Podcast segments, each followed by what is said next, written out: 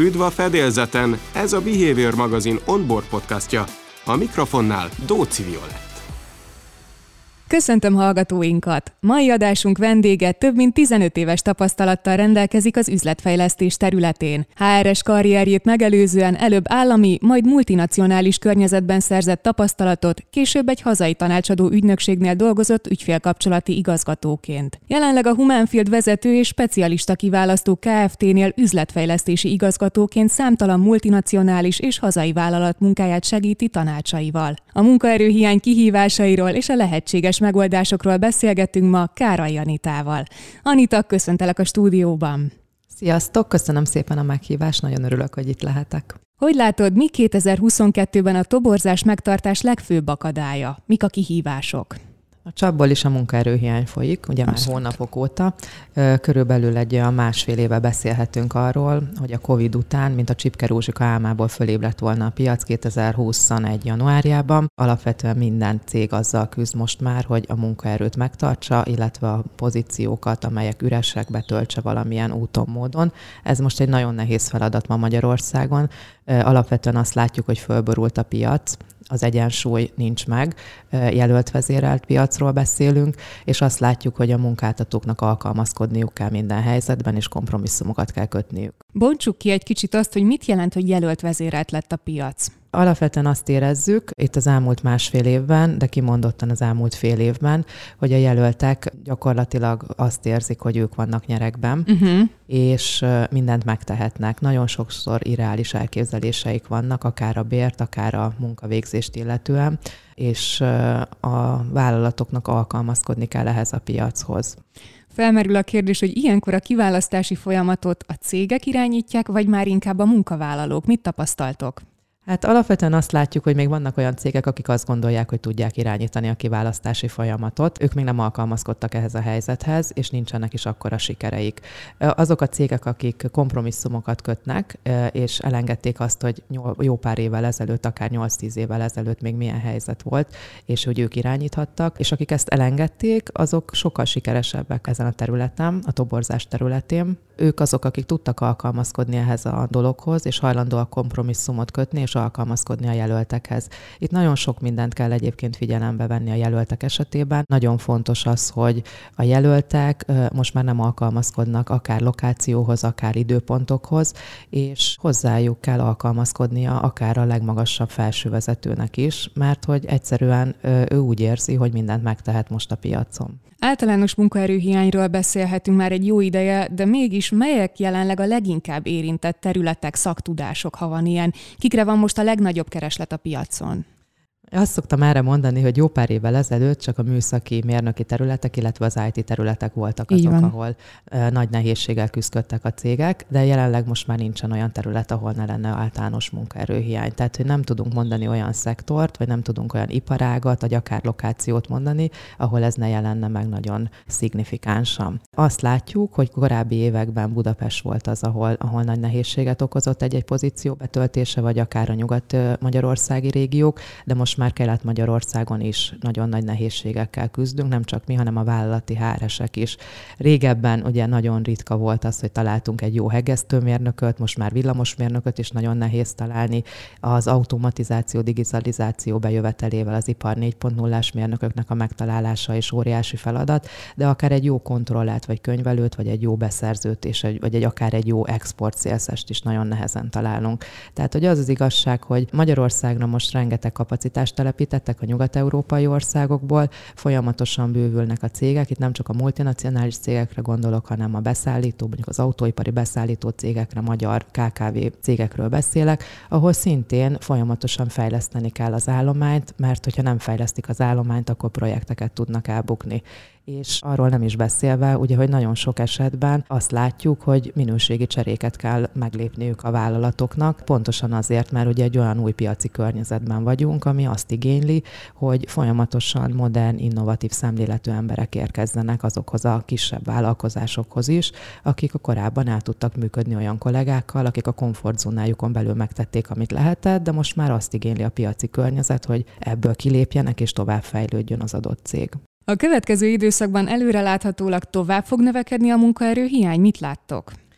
Azt tudom erre mondani, hogy nem vagyunk jó sok, tehát nem látunk előre. Magas színvonalú szakemberekkel rendelkezik az ország, tehát ez teljesen uh-huh. egyértelmű. Ezt egyébként mindenki látja a környező régiókban, és alapvetően azt látjuk, hogy rengeteg regionális pozíció kerül, vagy akár globális pozíció kerül Magyarországra, legyen az vezetői pozíció, vagy specialista pozíció. És jelen pillanatban most nincsen tartalék Magyarországon, tehát hogyha most a fizikai állományról beszélnénk, akkor a munkaerő kölcsönzők abból a szempontból vannak egy picit jobb helyzet, helyzetben, hogy tudnak külföldről munkavállalókat bevonzani. Uh-huh. Szellemi állomány esetében, ugye a munkaerő közvetítő fejvadász cégek esetében itt inkább azt tudjuk mondani, hogy, hogy nincsen lehetőség arra, hogy további jelölteket behozzunk a piacról, mert hogy itt 95%-ban a magyar piacból kell megoldani, a magyar munkavállalók köréből kell megoldani a hiányokat. Tehát nyilván most egy válságközeli állapotban vagyunk, tehát nem látjuk, hogy mi lesz itt a politikában, vagy a munkaerőpiacon Magyarországon, Magyarországon, de jelen pillanatban nem látjuk azt, hogy csökkenni fog a munkaerőhiány Magyarországon, sőt, most még a növekedés fázisában vagyunk, még szerintem nem értük el a tetőt sem. Igen, elvileg 2025-ben fogjuk elérni majd a teljes foglalkoztatottságot. Felmerül a kérdés, hogy egy ilyen nehéz munkaerőpiaci környezetben hogyan tud segíteni egy fejvadász cég? Én azt gondolom, hogy, hogy most már elengedhetetlen a fejvadász cégek használata nagyon sok esetben. Tehát korábban ugye voltak olyan cégek, akik ezt a szolgáltatást igénybe vették, mert hogy ezt megtehették, és nagyon sok olyan cég volt, aki költséghatékonysági okok miatt inkább belső toborzással próbálta megoldani ezt a munkaerőhiányos helyzetet. Amikor nem ilyen volt a piac, akkor ez működhetett is. Nagyon sok esetben akár belső promócióból, a saját networkből meg tudták oldani, vagy ha így nem sikerült, akkor akkor hirdetések útján be tudták tölteni a pozíciókat, mert megfelelő minőségű és mennyiségű jelölt érkezett egy-egy hirdetésre. Most abban a helyzetben vagyunk, hogy a pozíciók nagy részénél a hirdetések nem tudnak működni. Ennek az az oka, hogy nincsenek szabadon prémium munkavállalók. Tehát azok a kulcsfontosságú pozíciók, amik most jelen pillanatban üresen vannak, azokra nincsenek olyan emberek, akik aktívan állást keresnének, tehát hogy ők most is nagyon jó helyzetben vannak, most is van remek munkájuk, a munkáltató megpróbálja őket ott tartani, mindent megtesz annak érdekében, hogy ne kelljen őket pótolni, és az az igazság, hogy nekünk, fejvadászoknak a komfortzónán belüli munkavállalók között kellene megtalálni azokat az embereket, akik hajlandóak egy jobb lehetőség kedvéért váltani ebben a kvázi bizonytalan helyzetben. Tehát mi is nehéz helyzetben vagyunk, tehát vérrel, verejtékkel tudunk betölteni egyes pozíciókat, viszont az nagyon fontos, ugye, hogy nekünk ez a szakterületünk, tehát a Humanfieldnél egyébként ugye vezető és specialista kiválasztással foglalkozunk, és nagyon régóta azt az executive search módszertant, amit használtunk a közép- és felsővezetők esetében, azt le kellett szivárogtatni az idézőjelbe alacsonyabb szellemi pozíciókra is. Tehát, hogy itt nem egy toborzásról van szó, itt fejvadászatról van szó, és ebben a kollégák nagyon ügyesek, már csak azért is, mert rengeteg gyakorlatuk van benne. Tehát az elmúlt időszakban ők folyamatosan ezzel a módszerrel dolgoztak, tehát hogy nem kell nekik megtanulni egy új dolgot. Uh-huh. Ami nagyon fontos, hogy nekünk is alkalmazkodni kell a piachoz, tehát nem maradhatunk meg ugyanazoknál az eszközöknél, amiket eddig használtunk. Ugye mindig azt hangsúlyoztuk az elmúlt években az ügyfeleknek, hogy teljes pályás letámadással dolgozunk. Ez most azért nem valid, mert hogy nem működik a teljes pályás letámadás, tehát hogy itt tényleg direkt fejvadászatra van szükség. Mit értünk az alatt, hogy teljes pályás letámadás?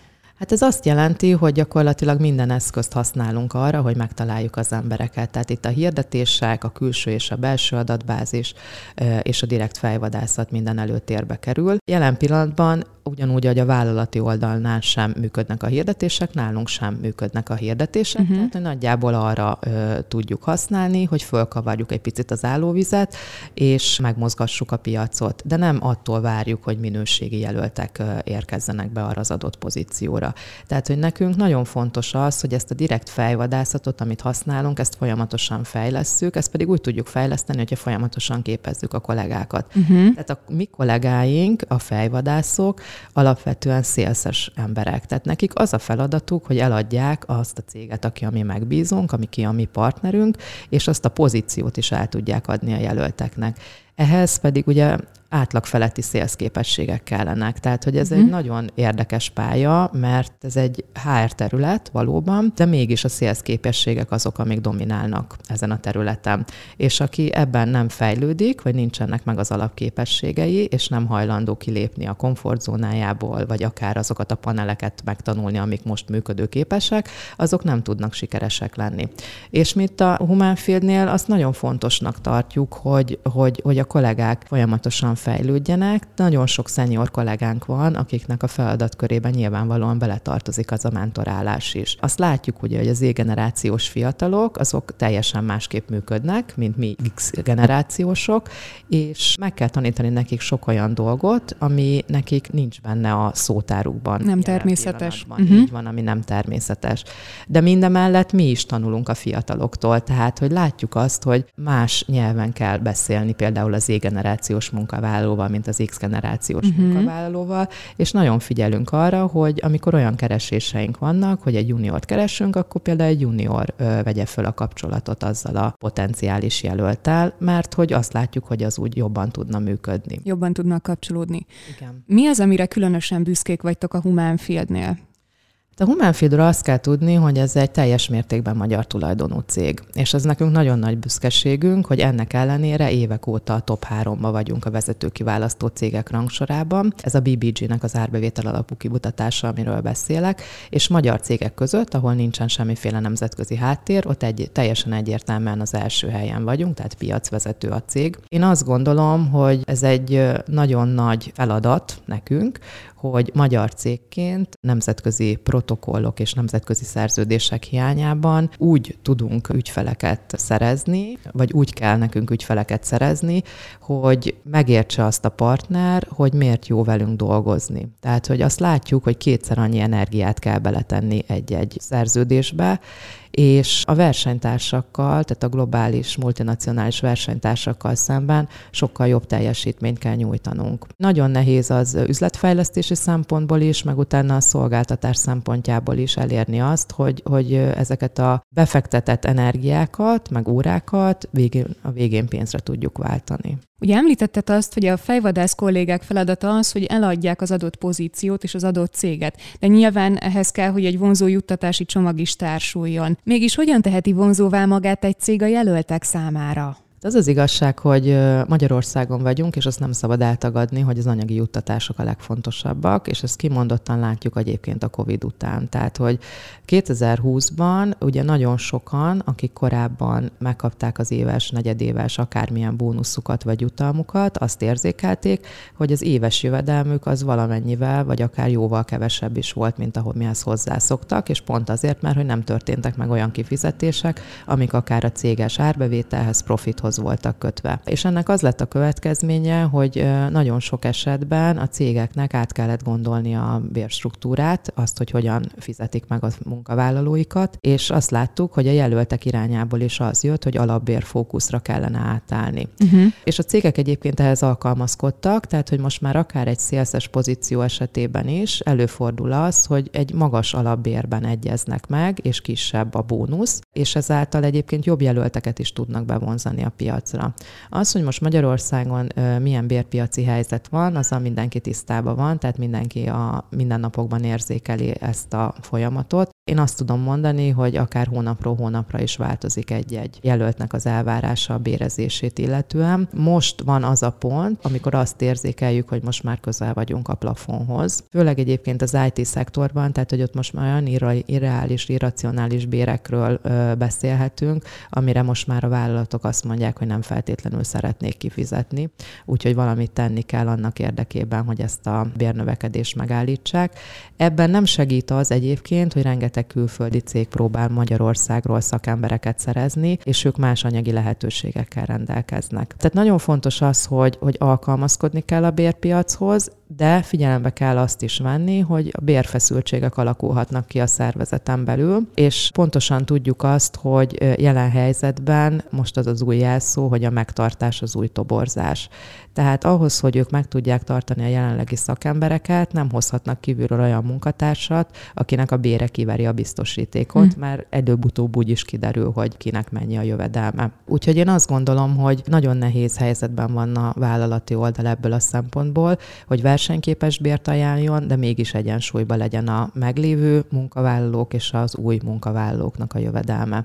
Amiben még nagyon sokat kell fejlődni, mi azt látjuk, hogy vannak olyan cégek vagy olyan vállalkozások, ahol a szakmai vezetők még a múltban élnek. Milyen értelemben? Abban az értelemben, hogy egy jó pár évvel ezelőtt, 8-10 évvel ezelőtt az a piac teljesen másképp nézett ki, tehát akkor sorban álltak a munkavállalók az önéletrajzzal, és úgy próbáltak tényleg prémium jó munkavállalók, szakképzettek munkát találni. Jelen pillanatban ugye ez a helyzet megváltozott, ugye felborult ez az egyensúly, ugye erről beszéltünk folyamatosan, és az az igazság, hogy nagyon sokan nem tudtak még ehhez alkalmazkodni. Tehát azok a szakmai vezetők, akik akár 15-20 éve dolgoznak egy cégnél, ők nem feltétlenül ö, tudják azt, hogy mi van ezen a piacon, vagy nem mhm. akarják tudni, nem akarják tudomásul venni. És nyilván a HR oldal, ő segít nekünk ebben, tanácsadóknak, hogy, seg, ö, hogy eljussunk oda, hogy a szakmai meg, vezető megértse ezt a dolgot, de folyamatosan edukálni kell őket, és azt kell nekik mondanunk, hogy igenis, most az a pillanat van, amikor kompromisszumokat kell kötni. Tehát néhány évvel ezelőtt tényleg előfordult az, hogy küldtünk 500%-os jelöltet, és vártuk a hatodik 120%-osat, és egyébként meg is érkezett, és a szakmai vezető boldog volt, de az elmúlt másfél évben azt kell, hogy mondjuk, hogy nincsenek 100%-os jelöltek, nincsenek kész emberek, azok közül az emberek közül kell választani, aki jelen pillanatban a piacon elérhető. Tehát, hogy mi se vagyunk csodatevők, fejvadászok, nem tudunk embert gyártani, tálcán meg tudjuk mutatni, hogy ki van most elérhető a piacon. És a szakmai vezetőknek nyilván kompromisszumot kell kötni. Tehát, hogy nyilván a szakmai tudásra szükség van, a készségekre, a képességekre szükség van, de nagyon sok olyan dolgot kell nekik megtanítani, ami akár vállalatspecifikus, akár szektorspecifikus, és egyszerűen plusz energiát és időt kell áldozni arra, hogy ezek az emberek kész emberek legyenek. Mi oldalunkról egyébként mi mindent megteszünk annak érdekében, hogy minél jobb jelölteket hozzunk, és folyamatosan biztatjuk arra a szakmai vezetőket is, hogy kompromisszumok programokat kössenek, de, de vannak olyan szervezetek, ahol ez még, még gyerekcipőben jár, uh-huh. és nagyon konzervatívan állnak ezekhez a dolgokhoz. Ami még nagyon fontos egyébként, az azt látjuk, hogy a munka és a magánélet egyensúlya iszonyatosan fontos jött a jelölteknél, és gyakorlatilag ugye ez a COVID kapcsán felmerülő home office vagy remote munkavégzés az nagyon elterjedt. A jelöltek ezt most már adottságként tekintik, nem pedig egy juttatásként gondolnak hozzá. Ez szinte elvárás lett, nem? Abszolút, abszolút elvárás, tehát hogy nagyon sok esetben azt látjuk, hogy a nagyobb multicégeknél, akik akár egy-másfél évet is otthon voltak. Nagyon nehéz akár a hibrid munkavégzést is visszaállítani, és nagyon óvatosan kell közelíteni ehhez a témához, mert egyszerűen óriási fluktuációt okozhat az, hogyha hirtelen visszarendelik a munkavállalókat az irodába. Tehát ergo, hogyha én jó jelölteket szeretnék, jó munkavállalókat, akkor nekem ezt meg kell adni? Igen, tehát hogy én azt gondolom, hogy ez egy nagyon fontos dolog, hogy, hogy igen, ebben is engedni kell, és ebben is alkalmazkodni kell a piachoz. Tehát nyilvánvalóan vannak azok a területek, ahol ezt nem lehetséges megadni, például a gyártó vagy a termelő szektorban, uh-huh. amikor tényleg ott kell a telephelyen a gyártósor mellett egy mérnöknek tevékenykedni, de vannak azok a pozíciók, amik nem feltétlenül igényelnek százszázalékos jelenlétet az irodában, mondjuk itt az administratív támogató funkciók közül, akár mondjuk egy kontroller, vagy egy könyvelő, vagy egy beszerző nem feltétlenül kell, hogy száz százalékban minden napot legyen az irodába, és nyilvánvaló fontos az, hogy a vezető föl tudja mérni, hogy az adott munkavállaló alkalmas-e az otthoni munkavégzésre. Tehát, hogy vannak olyan visszajelzések a partnereinktől, hogy hatékonyság növekedés következett be azáltal, hogy otthoni munkavégzést engedtek valamilyen szinten, valamilyen arányban. De vannak olyan visszajelzések is, és ezt egyébként a főleg a juniorok esetében tapasztaljuk, hogy a home office azt okozta, hogy egyáltalán egyáltalán nem fejlődtek, sőt, inkább megálltak a fejlődésben, mm. és nem tudtak olyan szintre eljutni, amilyen szintre eljutottak volna akkor, hogyha az irodában vannak, és a szenyoroktól megtanulnak rengeteg dolgot. Tehát, hogy ez én azt gondolom, hogy egyédi mérlegelés kérdése, hogy az adott munkavállalót mennyire lehet home office-ban használni, vagy mennyire lehet engedni, és ki az, akinek pedig mindenképpen bent kell lenni az irodában.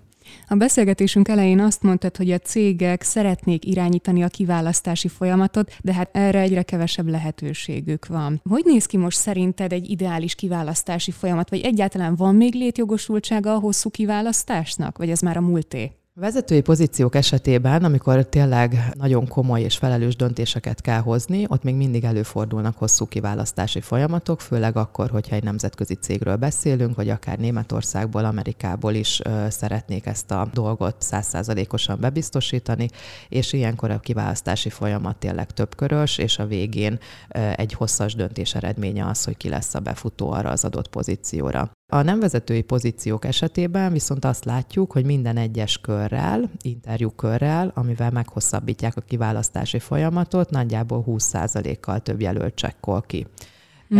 Ez azt jelenti, hogy ideális esetben egy, maximum két körös kiválasztás az, amihez most alkalmazkodnia kell a kiválasztóknak, a vállalkozásoknak. Nyilvánvalóan a fejvadász megcsinálja az első körös kiválasztást, tehát hogy már a vállalatok kapcsolattartóinak szűrt jelölteket küld, tehát azok a jelölt anyagok, amiket megkapnak, azok már relevánsak, tehát hogy azzal már nem kell foglalkozni, hogy az adott pozícióra tényleg alkalmas a jelölt, azzal kell foglalkozni, hogy megítéljék azt, hogy mennyire illeszthető be a csapatba, a csapatba. mennyire hmm. integrálható a szervezetbe. Nyilvánvaló ehhez nagyon fontos egy HRS kör, és azt látjuk, hogy ez az első HRS kör, ez nagyon sok esetben összekapcsolódik egy szakmai körrel is. Tehát, hogy egyszerre két uh, interjúztatóban bent az első interjún, egyik a HR oldalt képviseli, a másik a szakmai oldalt, és egy körben meg tudják oldani a kiválasztást. Hogyha magasabb pozícióról van szó, akkor utána még szokott lenni nyilván egy felsővezetői interjú az adott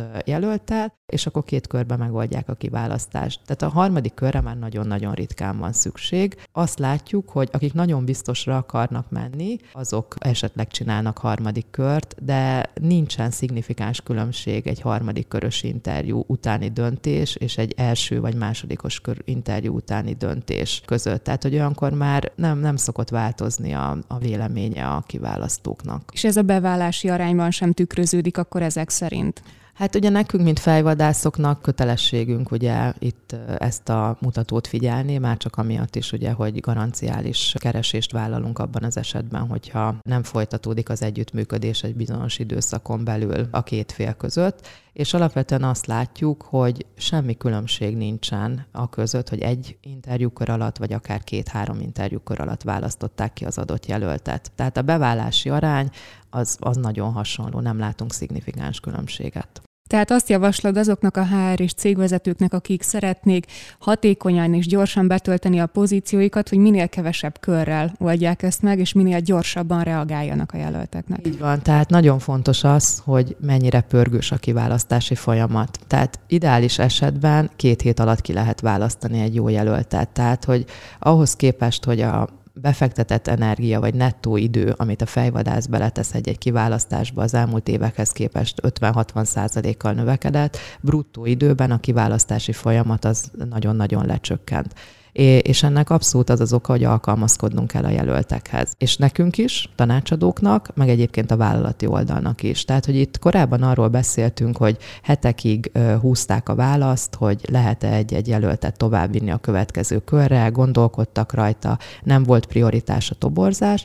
Most már oda jutottunk, hogy nem hetekről beszélünk, meg nem napokról, hanem sokszor órákról, hogy az adott jelölt kinek az ajánlatát fogadja el. Tehát annyira kiélezett és annyira turbulens most a munkaerő, munkaerőpiac, hogy egy-egy jelölt az több kiválasztási folyamatban is benne van, hm.